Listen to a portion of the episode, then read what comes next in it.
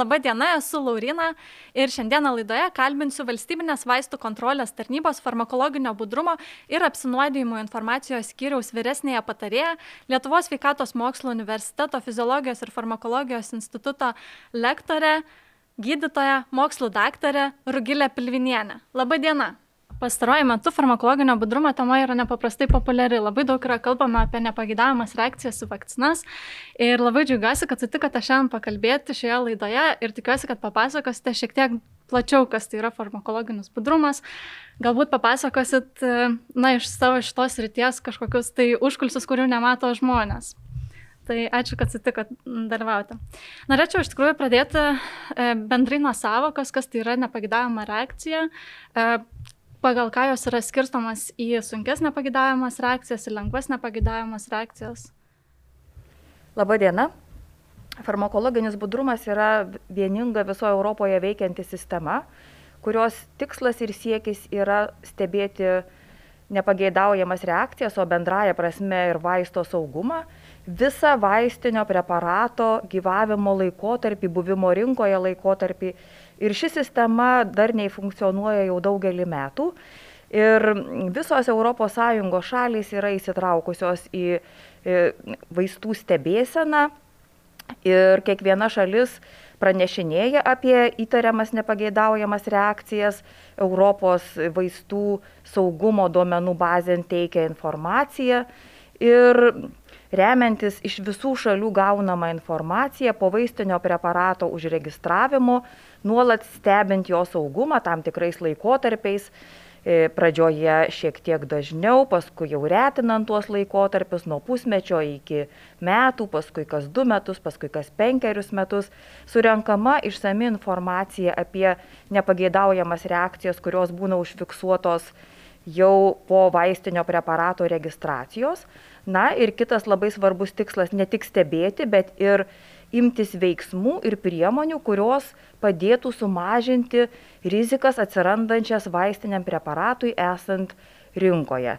Tai yra atnaujinama informacija pateikiama preparato charakteristikų santraukoje, tai yra dokumentas skirtas specialistam, taip pat atitinkamai atnaujinama pakuotės lapelio informacija, kuri yra skirta pacientui sužinoti apie tai, koks tai yra vaistinis preparatas, koks jo dozavimas, kokios nepageidaujamos reakcijos, kokia yra, kokių įspėjimų, į ką atsižvelgti reikia.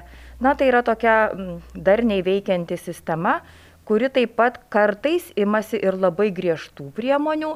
E, šitos priemonės kai kada būna skirtos tam, kad būtų įmanoma suvaldyti sudėtingų, įtariamų, nepageidaujamų reakcijų kylančių vaistui esant rinkoje keliamas problemas. Kaip suprantu, jūsų skyrius gauna visus nepageidavimų reakcijų vaistą ar vakciną pranešimus.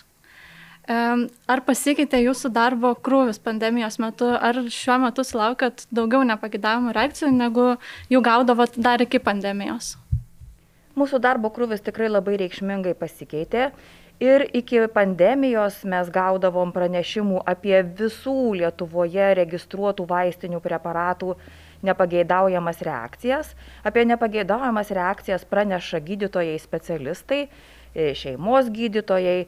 Taip pat praneša ir pacientai apie jiems pasireiškusias nepageidaujamas reakcijas ir šitos nepageidaujamos reakcijos gali būt pranešamos elektroniniu paštu užpildant specialią formą kurią galima pasiimti mūsų tarnybos tinklalapyje išsisaugoti.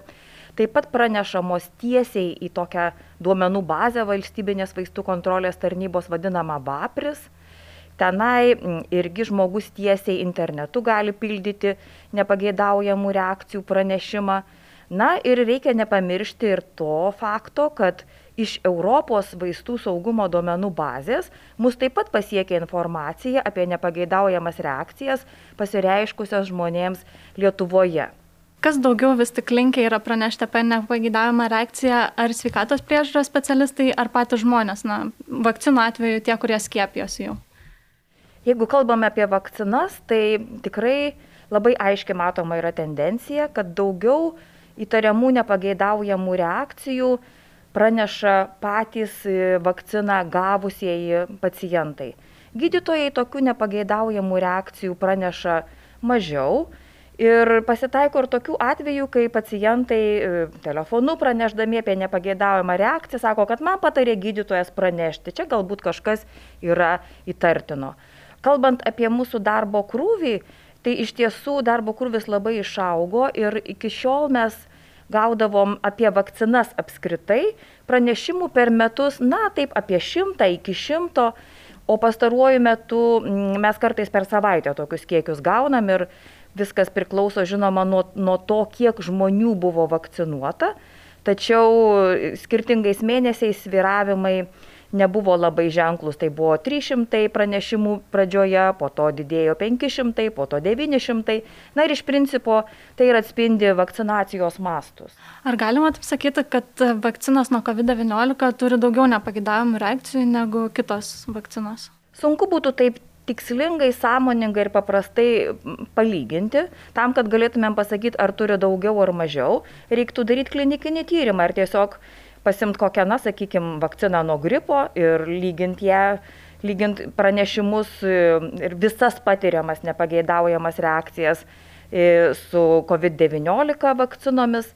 Bet šiaip bendraja prasme manau, kad dėl didesnio tokio aktualumo, didesnio susidomėjimo žmonės yra aktyvesni ir tikrai praneša daugiau ir intensyviau. O ar svarbu pranešti apie jau žinomą nepageidavimą reakciją?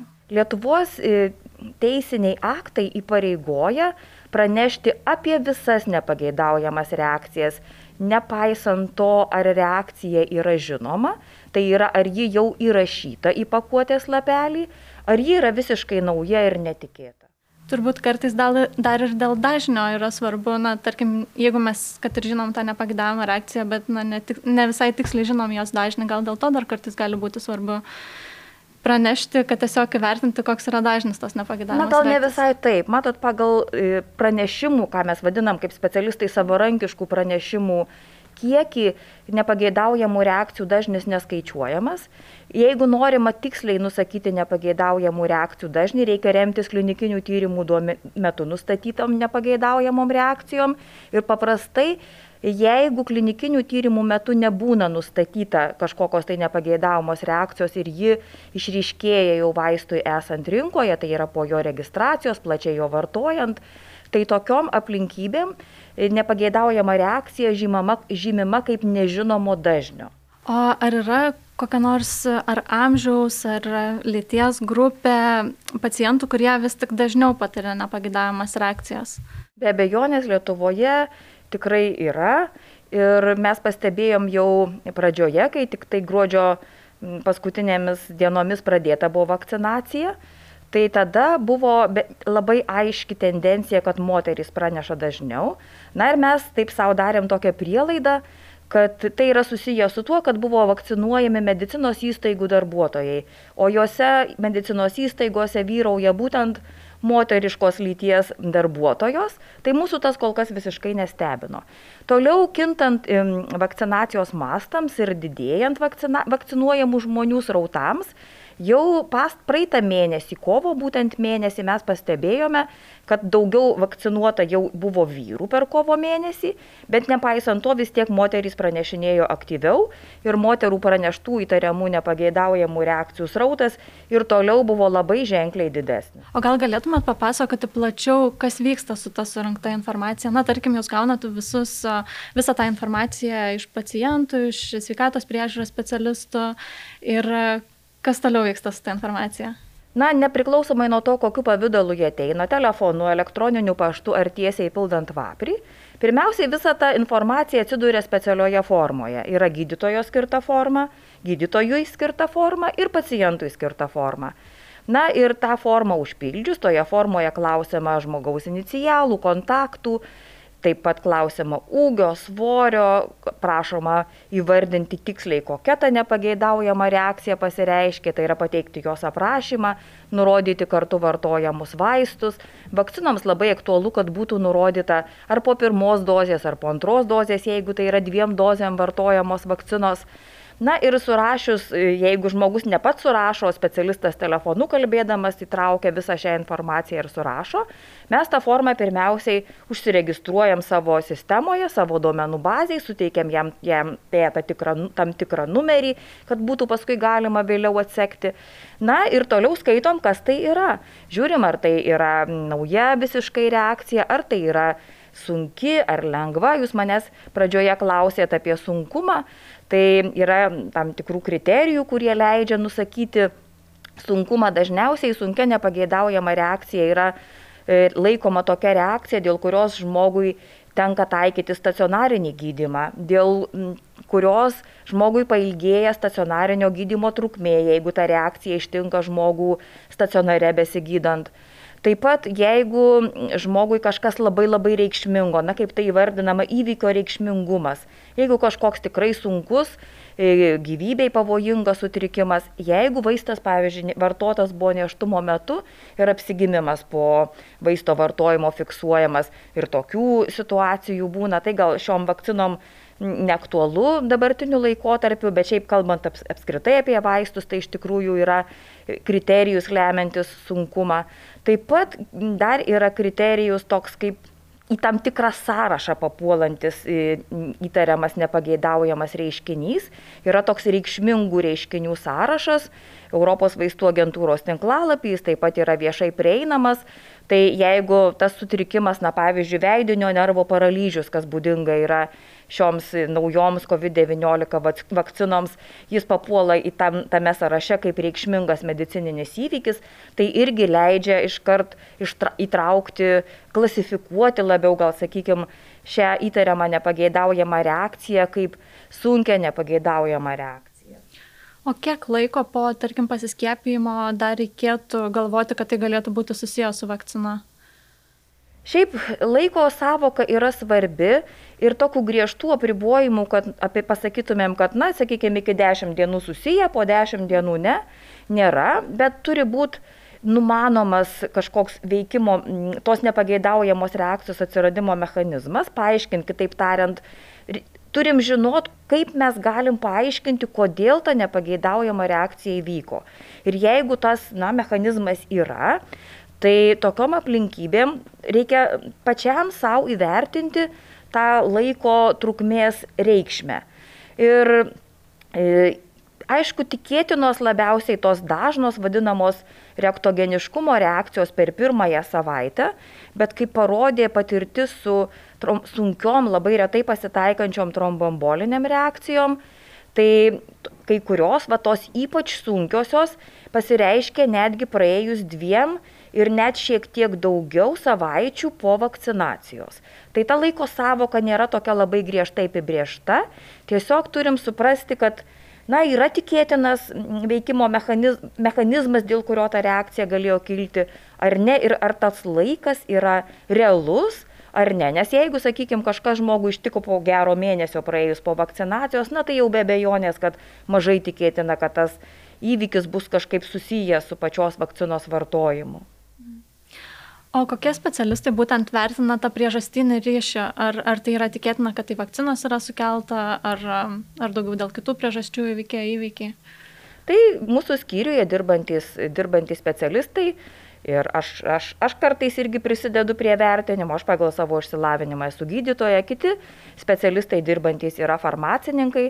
Svarbu paminėti ir tai, kad kai mes viską įsivertinam ir susipildom savo duomenų bazę, toliau tas turinys, kurį mes jau apsirašėm ir susižymėjom ir įsivertinom, perdodamas Europos vaistų agentūros e, tinklalapyje esančioj sistem, sistem, Europos vaistų agentūros sistemoje esančioje farmakologinio budrumo duomenų bazė yra tokia vadinamoji Audra Vigilance duomenų bazė ir į ją jau surašo ir suplaukia visą turinį, kuris buvo e, nepageidaujamos reakcijos pranešime ir papildomas turinys, kartais mes skambinam su praneš, pranešusiu žmogum kalbamės, dar išsiaiškinam daugiau kažkokių detalių, jeigu mums svarbu yra.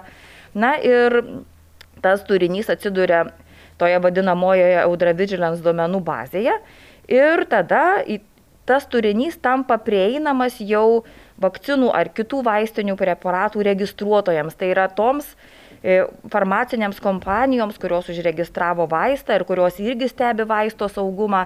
Taip pat ta duomenų bazė yra prieinama Europos vaistų agentūros žmonėms. Na ir visa, visa šita seka iš principo užtikrina, kad per kelis etapus, keliom grandim, keliais rautais ir keliais lygiais vertinamas vakcinų saugumas. Na ir toliau, stebint vaisto saugumą, vertinama jau kiekvienos, kiekvienos veikliosios medžiagos, e, ar tai būtų vakcina, ar tai kažkoks kitas vaistinis preparatas, periodiškai atnaujinamas saugumo protokolas, į kurį surašoma per tam tikrą laikotarpį, na pavyzdžiui, per pusę metų, per, per metus, per penkis metus įvykusios nepageidaujamos reakcijos ir kita svarbi informacija gauta iš literatūros, iš klinikinių tyrimų. Na ir tada jau šituo vertinimu užsiema konkrečios šalies specialistai nes kiekviena šalis turi savo vaistų sąrašą, už, kurie, už kurį jie yra atsakingi.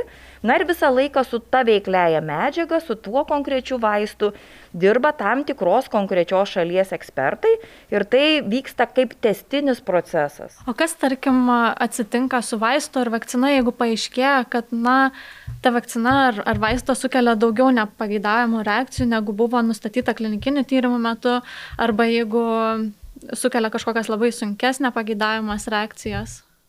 Jeigu taip nutinka, be bejonės e, veiksmai yra e, keliariopi galimi.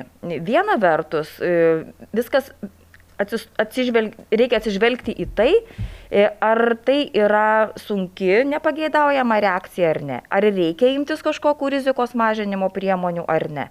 Na ir dažniausiai yra tokios situacijos, kai tiesiog gavus naujos informacijos, atnaujinama vaistinio preparato informaciniai dokumentai, tai būtent specialistui skirta dalis, tai yra preparato charakteristikų santrauka ir pacientui skirta dalis pakuotės lapelis.